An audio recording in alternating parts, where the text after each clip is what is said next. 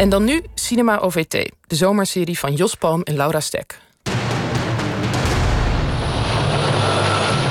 I deem him one of the greatest beings alive in our time. We shall never see his like again. The ruthless dictator and Charlie resemble each other like two peas in a pod. Godzilla, king of the monsters, wiping out a city of six million in a holocaust of flame. Don't fight. Relax. Signore, se tu vuoi mi puoi mandare. Lo voglio, sì, mandate. Cinema OVT. Filmklassiekers die het verschil maakten. Stay here as long as you like.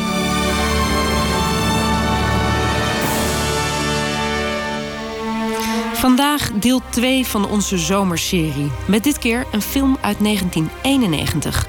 Die uitkwam negen maanden voor de mishandeling van de zwarte taxichauffeur Rodney King door witte agenten. Het was alsof deze film de tijdgeest naadloos aanvoelde. We hebben het over Boys in the Hood. Het debuut van regisseur John Singleton, de eerste Afro-Amerikaanse regisseur die voor een Oscar genomineerd werd. De film sloeg destijds in als een bom. En waarom, dat weten onze drie gasten aan tafel. Regisseur en acteur Maarten van Hinten, Amerikanistenmaker Marca Valenta en ja, filmkenner Floortje Smit, onze vaste gast die ons door alle films heen helpt loodsen. Welkom allemaal. Uh, heel benieuwd natuurlijk of jullie de film in de tijd al gezien hebben. Marca, wanneer heb jij hem gezien en maakte het grote indruk? Ja, het, uh, dus ik heb het in Amerika gezien in die tijd. Uh, en dat maakte zeker indruk. Dus je was iets nieuws aan het zien wat je daarvoor niet had gezien. En Maarten? Ik heb hem in Amsterdam gezien in die tijd. En ik zat met spanning te wachten tot die film uitkwam in Nederland. Want was er al veel poeha ja. omheen? Ja, ja, zeker omdat, uh, met name ook omdat Ice Cube meedeed. En ik zat toen diep in de hip-hop. En ja, een acterende rapper, dat was toen nog echt een noviteit. Dat is nu toch wat anders. Maar het was heel spannend. Om, ook om zijn reputatie en, en wat dat zou betekenen voor de film. En Floortje? Ik heb hem later pas gezien. En ik denk op, op video of zo. Ik heb hem nu speciaal voor deze uitzending weer uh, opnieuw bekeken. En uh, wat ik er zo fantastisch aan vind, is dat hij nog steeds zo ontzettend actueel en, en fris voelt. Echt alle thema's die, die nu spelen, nog steeds over politiegeweld, over racisme, over drugsproblematiek, over bendes, over wapens. Het zit er gewoon allemaal in. En het is, ja, het is een soort toekomstvoorspeller geweest, die film. We gaan even luisteren naar de trailer. It just goes on and on, you know. Either they don't know, don't show. Don't care about what's going on in the hood.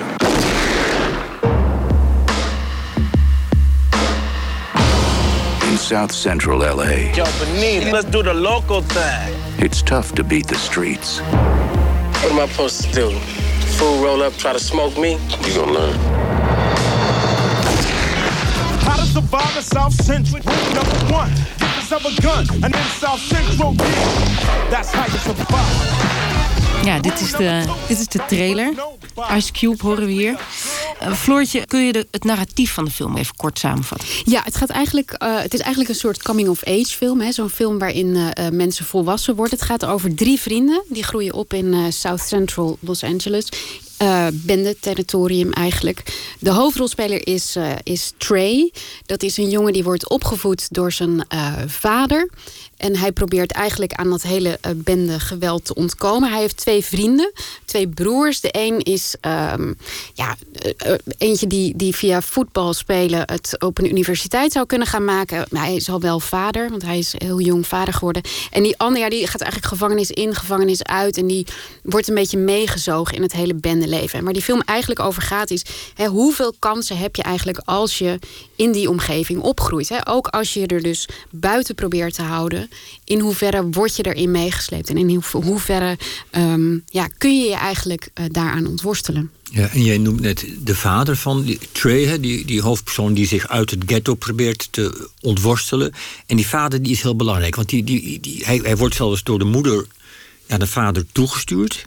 Want hij woont eerst bij zijn moeder. Maar die moeder zegt, je moet een man worden. En dat kan, alleen je vader je leren. Maar kennelijk is een man worden niet maar rondlopen en, en kloten en schieten. Maar kennelijk iets anders. Dat is heel interessant. Wat, waarom is die vader zo belangrijk? Nou, die vader is, ik vind het een geweldig personage. Ik, wat ik zei, ik, heb hem dus weer herzien. En ik eh, viel echt bijna achterover van wat voor uh, type dat is. Hij is eigenlijk het morele kompas in de hele film. Dus hij legt die jongens uit hoe de wereld werkt. Um, hij uh, benadrukt steeds dat je eigen verantwoordelijkheden moet nemen. Dat je extra je best moet doen, omdat je al 1-0 achter staat in dat gebied. Um, een voorbeeld bijvoorbeeld is um, een van de eerste lessen die hij zijn zoon meegeeft, is ja, iedereen die een, een piemel heeft, die kan in principe een kind verwekken. Alleen als je echt een vader wilt zijn, ja, dan uh, moet je een echte man zijn en dan moet je je verantwoordelijkheden nemen. Nou, en dat is nog steeds dat soort uh, zwarte mannen, dat soort zwarte vaders, zie je echt heel weinig in films. Um, wat je meestal ziet zijn het, dan zijn het afwezige types.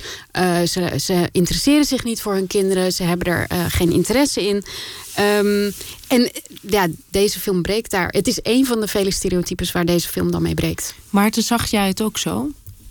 ja, absoluut. Het is een film die breekt met stereotypen. Hè? Ja, ik denk de film had een dubbele impact. Um, en dat was ook bedoeld door John Singleton. Een impact aan de ene kant naar de eigenlijk naar de, de wereld en de witte samenleving... die die, uh, die wereld die in die film aan bod komt... nooit had eerder had gezien en voor het eerst zag. Maar het had ook een boodschap voor de community die in de film wordt afgebeeld. En die boodschap had alles te maken met verantwoordelijkheid... en ook met, uh, uh, met, met mannelijkheid en met vaderschap. En met de aanwezigheid of afwezigheid van, van, van, van ja, vaders en vaderlijke autoriteit. dat, dat, dat, dat komt op allerlei manieren terug uh, in de film. En dat is eigenlijk de grote boodschap die John Singleton wilde geven. We moeten verantwoordelijk, ons, als, als, als, als mannen in de samenleving... verantwoordelijk zijn omdat wij als zwarte mannen... eigenlijk uh, targets zijn in deze samenleving. Dus we moeten nog extra hard werken om te zorgen dat we er kunnen zijn voor onze community. Straks gaan we daar wat dieper op in. Uh, Marka, zou jij ook iets kunnen zeggen over de context van die tijd? Ja, dus de, de film is gemaakt begin jaren 90, 91.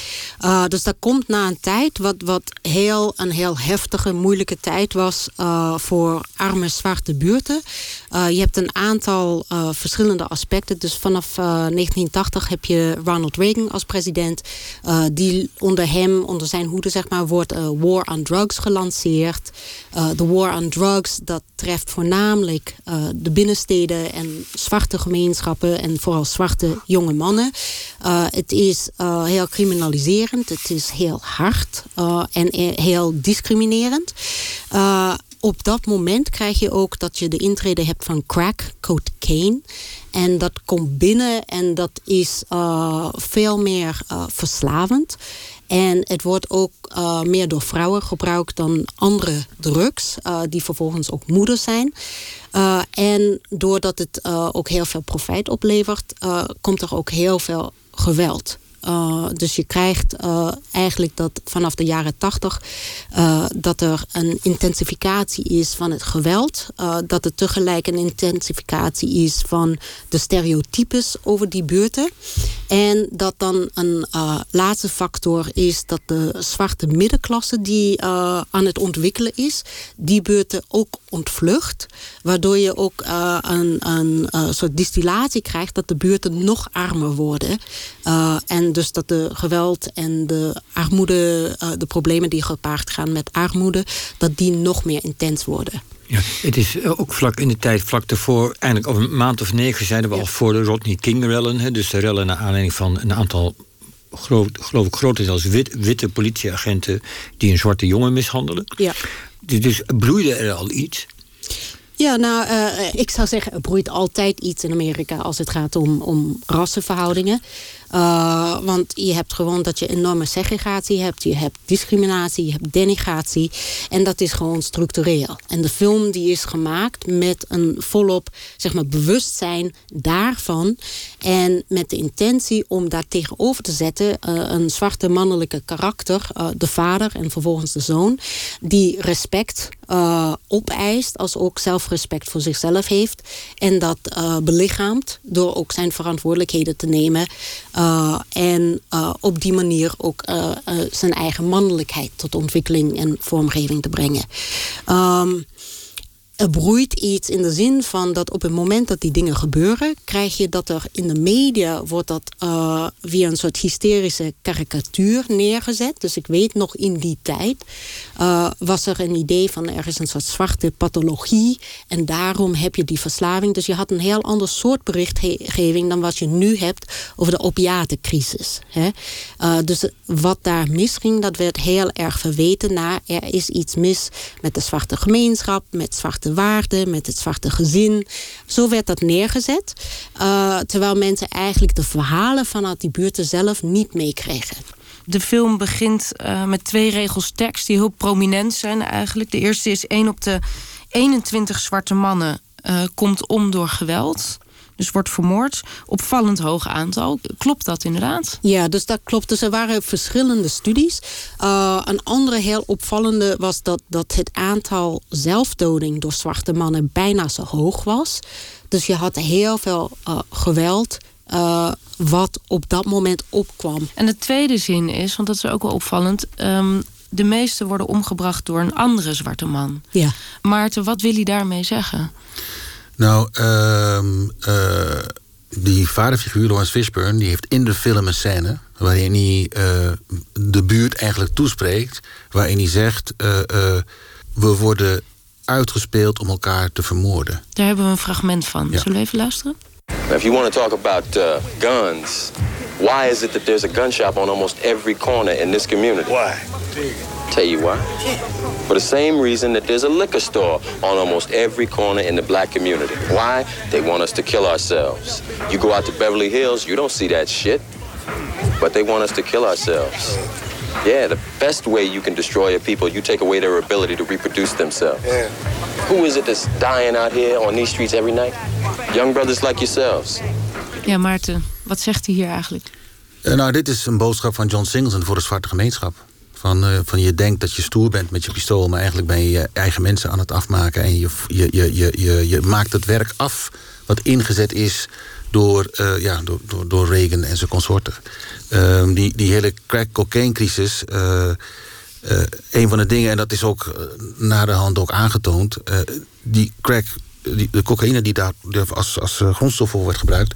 die werd ook ehm, verhandeld eigenlijk of het werd ingezet door de Amerikaanse overheid om geld uh, bij elkaar te verzamelen om buitenlandse politiek te bedrijven. En dat dumpten ze.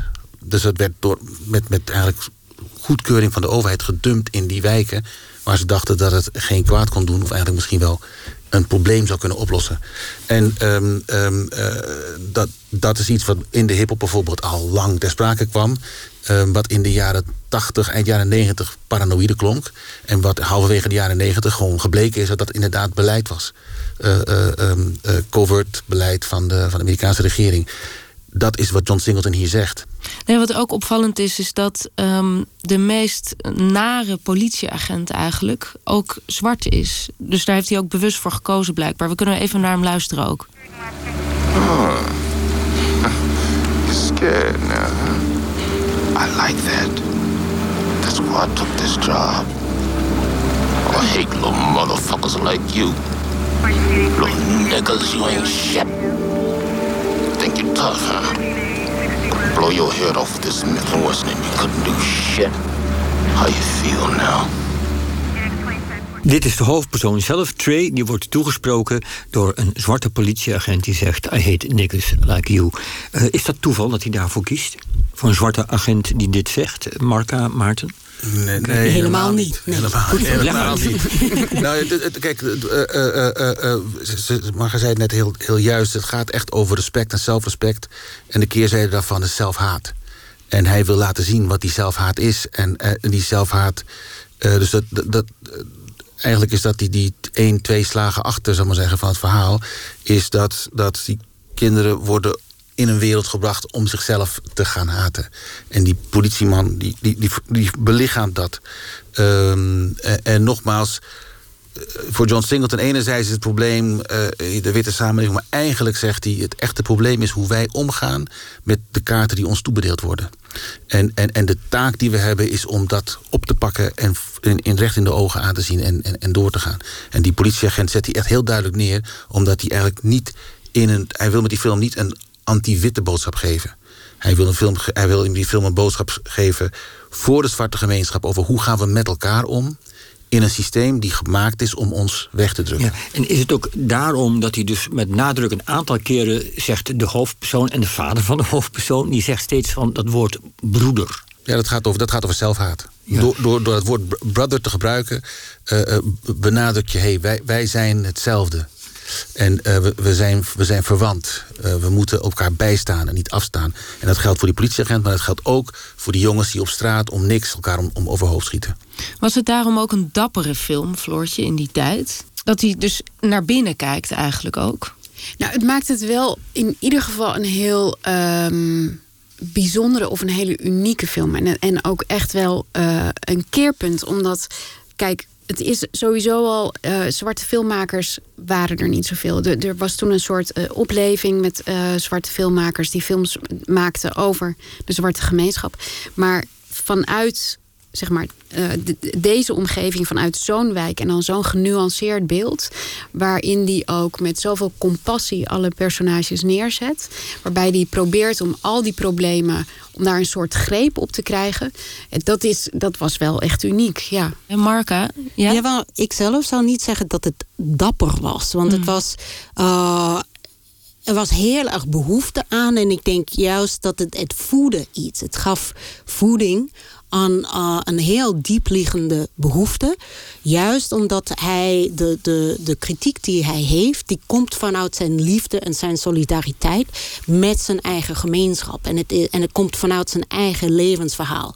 En daardoor is het iets wat toch heel anders is dan uh, al de verhalen die we daarvoor hadden over wat is er mis met de zwarte gemeenschap. Want dat soort verhalen krijg je al decennia vanuit de witte politiek, de witte media enzovoort. Maar die komen niet vanuit de liefde en de solidariteit. Maar dit is, je zegt dus die, die karikaturen die komen vanuit de witte gemeenschap. Hoe werd er gereageerd vanuit de zwarte gemeenschap in uh, deze film? Op, op de film zelf heel goed. Uh, op de aankondiging dat de film gemaakt zou worden, dubbel.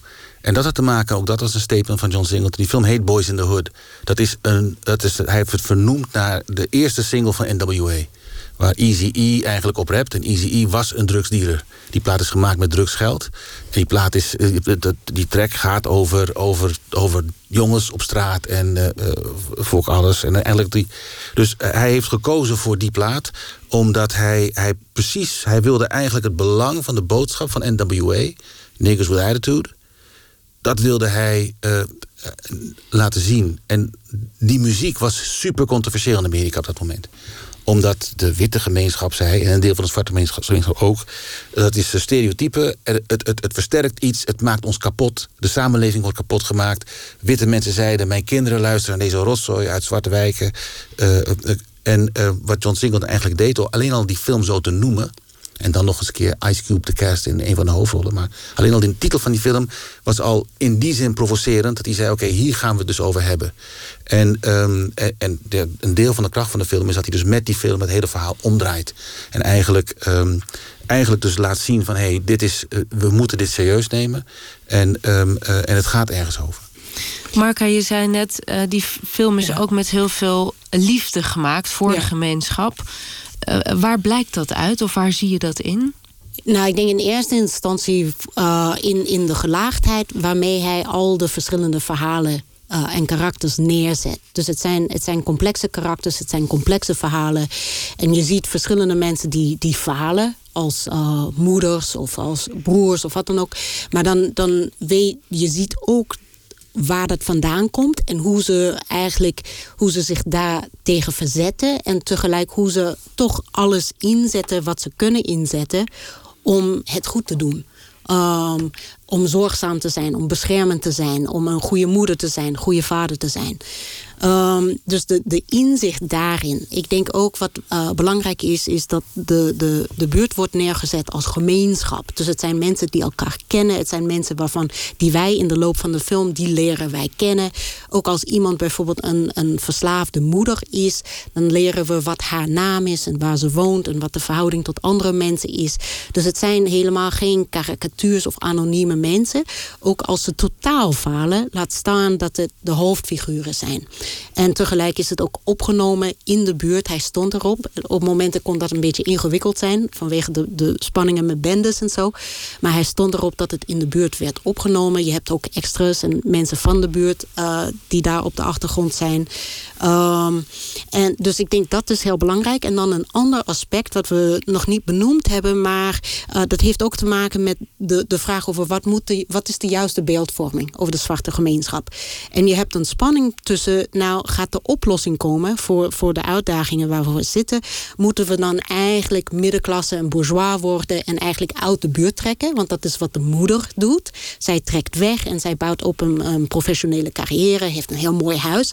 Maar je ziet haar alleen altijd uh, alleen zonder andere mensen om haar heen eigenlijk. Weet je, en is dat de weg? Want dat gebeurde op dat moment, dat de zwarte middenklasse aan het vluchten was. Uh, of is het zo dat wij eigenlijk binnen ons eigen gemeenschappen hebben we de middelen maar we moeten ons wel inzetten op de manier, uh, wat, wat Maarten net vertelde. Hè? Dus vanuit zelfrespect en vanuit elkaar aanspreken. Van kijk, dit is wat we moeten doen om onze verantwoordelijkheden te nemen. En elkaar niet af te maken en niet te laten uitspelen. Maar wat ik ingewikkeld vind is. Is dit. Je hebt drie hoofdpersonen, er zijn er meer, maar een aantal. Dat is uh, Trey, die wil gaan studeren, die wil het ghetto uit. Zijn vriendin wil het ghetto uit. Dan is er nog de zoon van een van de moeders, een vriend van Trey. En die komt treurig om, die wordt vermoord. En die wilde eigenlijk ook het ghetto uit. Wat is dan de boodschap van die film? Die is, want het is toch een. Kennelijk is er ook, uh, wordt er dus ook een verhaal verteld van jongeren die het ghetto uit willen. Studeren andere verhaal. is niet noodzakelijk het ghetto uit. Dus dat is, want die jongen bijvoorbeeld, die, die heeft de keuze op een moment. Gaat hij met zijn moeder wonen? Want die zegt: Ik heb nu een prachtig huis, ik heb dat gedaan, zodat ik dat uh, jou een mooie toekomst kon bieden enzovoort. En hij zegt: Nee, ik wil hier blijven. Um, en het is zeg maar, het verhaal van John Singleton ook. Dus hij is gaan studeren. Hè? Eh, dus hij deed filmstudies en zo. Maar wat doet hij dan? Dan gaat hij terug de ghetto in en vertelt het verhaal van zijn omgeving en waar, waar hij is opgegroeid. En dat is wat, zeg maar, wat ik heel erg ken van toen ik naar universiteit ging. Was dat je, dat was, uh, toen had je de eerste generatie waar je grootschalig, echt uh, zichtbaar en voelbaar had je um, zwarte professoren, zwarte docenten enzovoort op de universiteiten. En dat, was, dat is voor die generatie is dat een spanningsveld gebleven. Want je, je bleef solidair. Je ging niet. Uh, er was heel veel spanning van als je te ver wegging van je roots en je eigen gemeenschap. Dan was je je rug aan het keren tegen je eigen gemeenschap. En dan faalde je. Kijk, wat hij ook voortdurend zegt in die film op verschillende manieren. is dat er is een pad wat breed uitgelegd is voor ons als zwarte gemeenschap. En dat is de pad naar de destructie eigenlijk, naar de ondergang.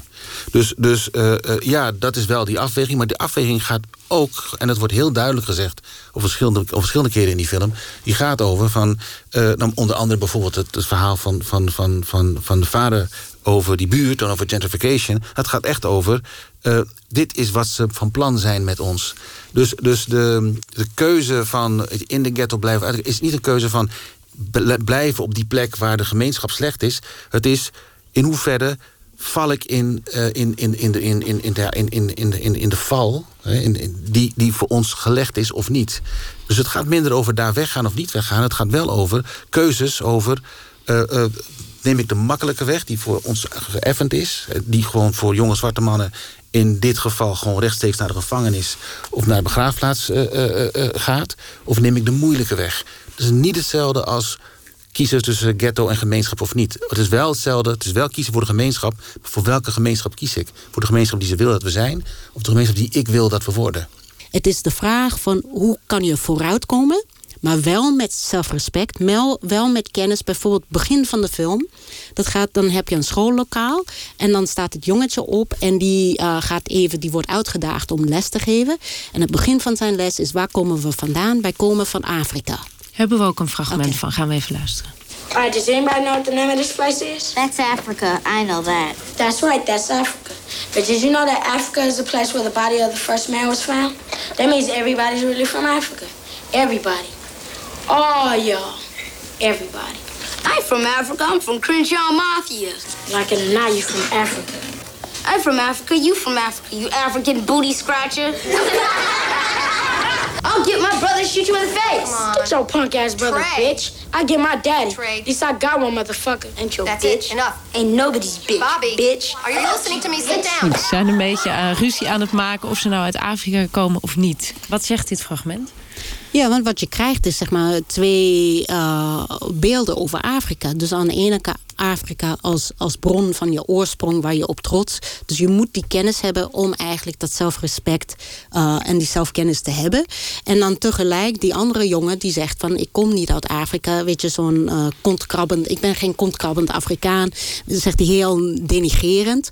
Hè? Dus, en daar heb je juist, dan heb je zo'n klein jongetje en die heeft al geïnternaliseerd. Wat is Afrika? Dat is achterlijk en dat is, uh, dat is iets om niet trots op te zijn. En daar wil ik eigenlijk geen associatie mee hebben. Floortje, um, over de regisseur nog. Hij is afgelopen april overleden. Ja. Uh, John Singleton, hij was nog maar 23 toen hij die film maakte. Ongelooflijk. Ja, ja, dat, ja dat, dat is sowieso ongelooflijk. Hij heeft dit script, uh, hij, hij, had een, een onderdeel, of tenminste een deel van dit verhaal heeft hij geschreven. Daarmee is hij aangenomen op de Filmacademie. En hij heeft dat allemaal gebaseerd dus op zijn eigen uh, opgroeien en op zijn eigen leven. En toen is hij met dat script gaan shoppen bij allemaal producenten. En een van hen heeft op een gegeven moment gezegd... nou, voor 100.000 uh, dollar dan, um, dan verfilmen wij het. En toen heeft hij gezegd, nee, dat wil ik niet. Ik wil het zelf doen. Ik wil niet dat iemand uit Idaho of wat dan ook... zich uh, over, over dit materiaal ontfermt, want die begrijpt het niet. En um, ja, dat is een soort, ja, dat is een soort bluff. En dat zeiden die, uh, die producenten zeiden het ook. Dat hebben we eigenlijk niet meer gezien sinds Steven Spielberg. Dat iemand met zoveel bravoure en zoveel uh, ja, zelfvertrouwen zegt van dit moet ik maken. Ja, wat had hij voorbeelden? Je bedoelt zwarte filmmakers? Ja. Ik, amper. amper. Spike Lee heb je wel dan? Spike Lee was een vriend van hem. Uh, die, die komt ongeveer in diezelfde uh, periode op als filmmaker. Um, maar zoveel was er niet. Um, de, er is in de jaren zeventig is er uh, blaxploitation geweest. Dat zijn zwarte filmmakers die zich hebben verzet tegen het feit dat de bioscoop dat, dat uh, geregeerd werd door eigenlijk alleen maar witte mensen. Die zijn um, ja, een beetje gangsterachtige films gaan maken waarin uh, ook het bendeleven of in ieder geval geweld wat meer verheerlijkt werd. Hè? Um, dus, dus het, maar het is gewoon heel bijzonder dat hij überhaupt die bravoure had om, om dat te vertellen. En je ziet dat volgens mij gewoon ook aan die film. Is dat het, het, dit is een film die moest hij maken. Dat is gewoon uit een soort passie um, en uit een soort. Hij kon niet anders. En, en dat maakt deze film ook zo krachtig, denk ik. Hij had wel een voorbeeld. Dat, dat was Steven Spielberg precies dat Steven Spielberg zijn eigen voorwaarden legde en, zijn, en, en een carrière maakte in Hollywood op basis daarvan. Dat is ook wat John Singleton gedaan heeft. En het verschil tussen Singleton en Spike Lee. Spike Lee is misschien ietsje ouder dan Singleton. Was iets eerder zichtbaar. Spike Lee heeft echt gekozen om, uh, om, om als filmmaker een independent filmmaker te zijn. En John Singleton heeft echt gekozen om in Hollywood, in, in het Hollywood producentenapparaat, daar zijn carrière te maken. Zoals Steven Spielberg het gedaan heeft. Ja, en dus hij wilde eigenlijk ook Hollywood een beetje opvoeden. Of niet? Uh, ja, uh, Hollywood opvoeden, maar de, de, de, uh, de, wereld opvoeden ook via Hollywood. Omdat Hollywood nu eenmaal gewoon de machtigste stem is in, in, in, in, in, ja, eigenlijk in cultuur zo'n beetje. Op de aftiteling van de film worden een aantal namen genoemd en verteld hoe het verder met ze is gegaan. en daar wordt dus de suggestie gewekt dat het allemaal echt gebeurd is. Weten we daar iets van? Het is niet echt gebeurd, maar de, de, het personage Trey is heel erg gebaseerd op zijn eigen leven. Hij is natuurlijk zelf, heeft hij ook universiteit uh, gevolgd. Hij had ook zo'n vaderfiguur in zijn leven. Um, dus het, het is niet echt gebeurd. Dit, dit is natuurlijk een trucje wat wel vaker Um, wordt gedaan in films. Maar wat je wel ziet is dat uh, die Trey moet een soort voorbeeldfiguur worden in, in de film. Maar je ziet ook dat John Singleton echt een voorbeeldfiguur is geweest voor heel veel zwarte makers die ook heel graag hun eigen verhaal wilden vertellen. En um, door hem eigenlijk zijn gaan geloven dat dat ook kon en dat daar plaats voor is in het Hollywood systeem. Uh, over de impact nu nog. Uh, je bent met een aantal, aantal jonge filmmakers ook uh, bezig. Of heb je een podcast gemaakt -hmm. over deze film? Ja, er zijn meerdere filmmakers in Nederland die met dezelfde ambitie als John Singleton eigenlijk nu films zijn gaan maken. En dan zeg ik filmmakers, mensen die echt films zijn gaan maken. Dus niet per se mensen die academisch hebben gedaan of, of, of vakopleidingen, maar die gewoon zijn gaan filmen.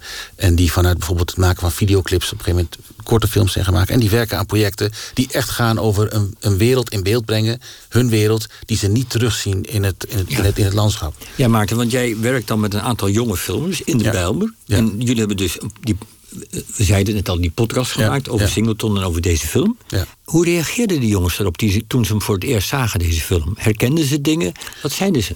Eh, ja, die film is. Floortje zei het al eerder, die film is, heeft nog altijd gewoon een gigantische impact.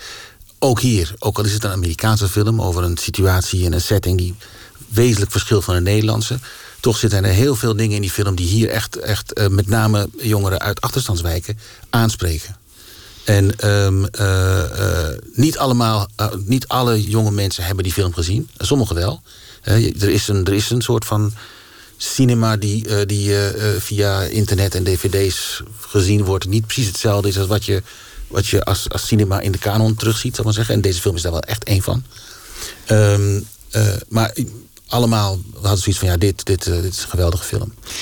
Hm, Over de situatie nu, want is er nou eigenlijk iets veranderd als je nu naar South Central LA gaat? Zien we dit dan nog, Marca Valente? Ja, nou, het, het is lastig om te zeggen over South Central, omdat ik daar niet vandaan kom. Uh, dus het is al een hele tijd sinds ik daar ben geweest. In LA überhaupt.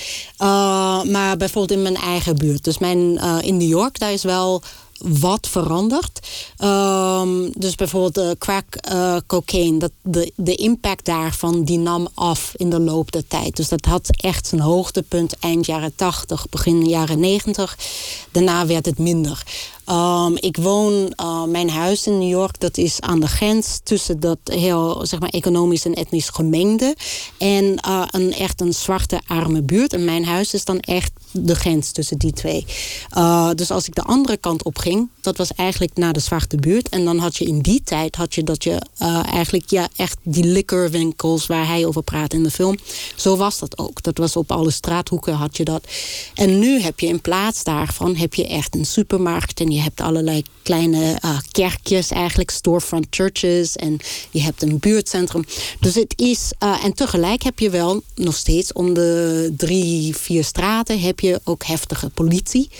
Um, en toen ik er was vorige zomer, uh, bijvoorbeeld, had je dat op dat moment had je dat een, een die had twee politieagenten die undercover waren hadden ze uh, opeens doodgeschoten. En toen ik op straat kwam, zat, uh, waren er 30 politieagenten alle kanten op aan het gaan. En al die politieagenten die waren wit. En ze waren op zoek naar een zwarte dader die iemand had gedood. En daar gaan ze echt geen middelen uh, hoe zeg je dat? They'll spare nothing om, die, uh, om erachter te komen. Ja. Dus dat politiesysteem, ja. Uh, nou ja, waar nu ook wat, wat nog steeds veel in het nieuws is geweest de afgelopen jaren, ja. dat, dat bestaat nog, wat ook terugkomt in deze film. Ja, dus je hebt een heel heftige en heel zwaarhandige politieaanwezigheid. Een paar straten verderop van mij is waar Eric Garner uh, gedood is door die politieagent uh, toen hij sigaretten stond te verkopen. Uh, dus die, die, die en je hebt, uh, kijk, daar zit ook een heel geschiedenis achter van de politie en wie zit in de politiemacht in New York City en hoe worden bijvoorbeeld de Ieren uitgespeeld tegen de zwarte. Er zit een heel lange geschiedenis ook sowieso in hoe politie, de politie komt voor een gedeelte voort uit groeperingen die op jacht gingen naar slaven. Dus daar zit een hele geschiedenis en dat zie je nog steeds, dat zie je in de film. Wat voor werkvorm dat krijgt, zie je nu nog steeds. Uh, en het is heel voelbaar. Aan de andere kant zie je ook dat de vooruitgang is. Uh, dus dat ik uh, uh, ja, dus dat de winkels zijn veranderd, dat er allerlei dingen ook aan het opbloeien zijn. Um, dus het is heel gemeen. Maar, die, die weg die Singleton aan, aankondigt, hè, dat programma van hem. Want je kunt, film, je kunt ook als een soort programmatische film zien, als het ware. Hè. Dus als je als zwarte gemeenschap bij elkaar blijft, je verantwoordelijkheid neemt voor je eigen leven, voor je kinderen. En niet in de val trapt van crack en misdaad, et cetera. Is dat, is dat verder gekomen? Heeft iemand daar zicht op? Of die film ook. De film verandert de wereld niet, maar hoe, hoe staat het erbij? Um, nou, uh, is het verder gekomen? Dat durf ik niet te zeggen. Ik kan wel spreken vanuit de hip-hop. De film uh, is gemaakt, Boys in the Hood was dus die track. En hij heeft het, hij heeft het, het, het menselijke gezicht achter die muziek vormgegeven in die film. Uh, uh, en in die muziek, als je die muziek beschouwt als, als, een, als een uiting van wat in die samenleving leeft. In die muziek uh, is, is duidelijk dat daar nog heel veel gebeuren moet voordat we daar zijn waar jij nu zegt dat we zouden kunnen zijn. En dat verschuift, hè? want dat is dan in New York is het zo, maar dan is dan, dan, dan maar hoe is het in Memphis, hoe is het in New Orleans, hoe is het toen de tijd was het had je had je eigenlijk East Coast West Coast over de hip gesproken. Dat waren de verhalen die je hoorde. Nu hoor je uit Amerika ook verhalen uit de Midwest, ook verhalen. En elke stad heeft zijn eigen, uh, eigen uh, ja, werkelijkheid. Uh, en, um, maar de kern is natuurlijk wel nog steeds, en dat is natuurlijk nu ook met Trump um, weer heel nadrukkelijk op de voorgrond gekomen. Uh, de samenleving in Amerika is structureel racistisch. En, uh, en niet iedereen ziet het belang ervan in om dat te veranderen. En er zit ook een, een belangrijke scène op het eind. Dat is Ice Cube die dat uitspreekt. Um, want je zegt, er zit een boodschap in naar de zwarte gemeenschap... maar er ja. zit ook zeker een boodschap in naar de wereld, denk ik. Ja. We gaan even luisteren. Turned on the TV this morning. I had this shit on about... about living in a violent... a violent world. showed all these foreign places. I started thinking, man, either they don't know, don't show, or don't care about what's going on in the hood. They had all this foreign shit. They ain't have shit on my brother, man. Wat je niet ziet, hè, nu om het mm -hmm. te horen, is dat hij huilt in deze scène. Op dat moment, toen deze film gemaakt werd, was hij de hardste rapper in Amerika qua tekst, qua politieke lading, qua boodschap. zijn standaarduiting is een frons. Uh, in de film alleen maar met wapens. In deze scène is hij naast zijn neef en huilt hij. Um, dat was een enorme omdraaiing van het beeld van wat hip-hop en rappers waren. En dat is een heel belangrijk deel van de boodschap van John Singleton. Van luister naar de echte verhalen en emoties achter deze harde figuren. En uh, wat hij hier zegt is uh, even letterlijk van als ik het nieuws aanzet, dan zie ik allerlei ellende over de wereld. Uh, maar niks over mijn broer die net doodgeschoten is. Dus Amerika ziet niet wat er in zijn eigen achtertuin zich afspeelt. Ja, ja ik heb het idee dat dat nog steeds gezegd zou kunnen worden. Ja. Het wordt ook herhaaldelijk gezegd. Ja, ja, dus in Amerika. Dus aan de ene, wat, je, wat, wat er is, het is heel dubbel. Want je krijgt wel allerlei verhalen over die buur, buurten en over wat zich daar afspeelt. Maar ze zijn vertekend uh, en ze zijn karikaturen. Um, en uh, dat verbergt eigenlijk wat daar echt gebeurt. En het verbergt ook dat er echt inzet is vanuit de overheid en vanuit de samenleving om daar iets aan te doen. Uh, en je, hebt, je moet die twee dingen je hebt die twee dingen tegelijk. Dus dat er wel verhalen zijn, maar dat die verbergend zijn. Ik denk ja. trouwens dat dat, dat dat echt het allerbelangrijkste is van, van deze film. Wat hij gedaan heeft, is precies dat laten zien. Hij begint met die statistieken, maar wat hij laat zien is de mensen die daarachter zitten. En dat zijn mensen met wie je kan meevoelen, ook als als, als wit persoon die daar helemaal los van staat. En um, ja, dat is volgens mij wat film op zijn best kan doen. Als, als, als het dat kan laten zien. Tot slot, hebben jullie nog een kijktip voor mensen die nu uh, direct uh, ja, willen gaan kijken? Hij staat op Netflix. Waar moet je op letten en in welke scène zie je dat terug? Maarten.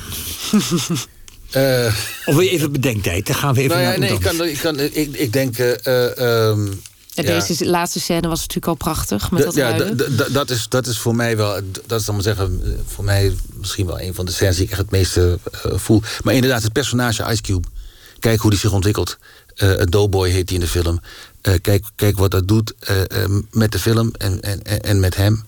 Um, en, en, en, ga naar hoe je zelf voelt over de dingen die hij doet en die hij zegt in die film voordat deze scène aan bod komt. Want hij, hij heeft. Deze scène is die scène waar hij huilt en waar die huilt. alles omdraait. Ja, voor de duidelijkheid. Ja. Het is niet meer de stoere rapper, maar nee. een jongen die echt getroffen is, emotioneel. Ja, en in de rest van de film is hij, is hij heel extreem. Uh, is het gewoon een klootzak. En uh, dus, dus, dus, dus nou, volg die lijn van hem. Kijk hoe Ice Cube dat speelt ook.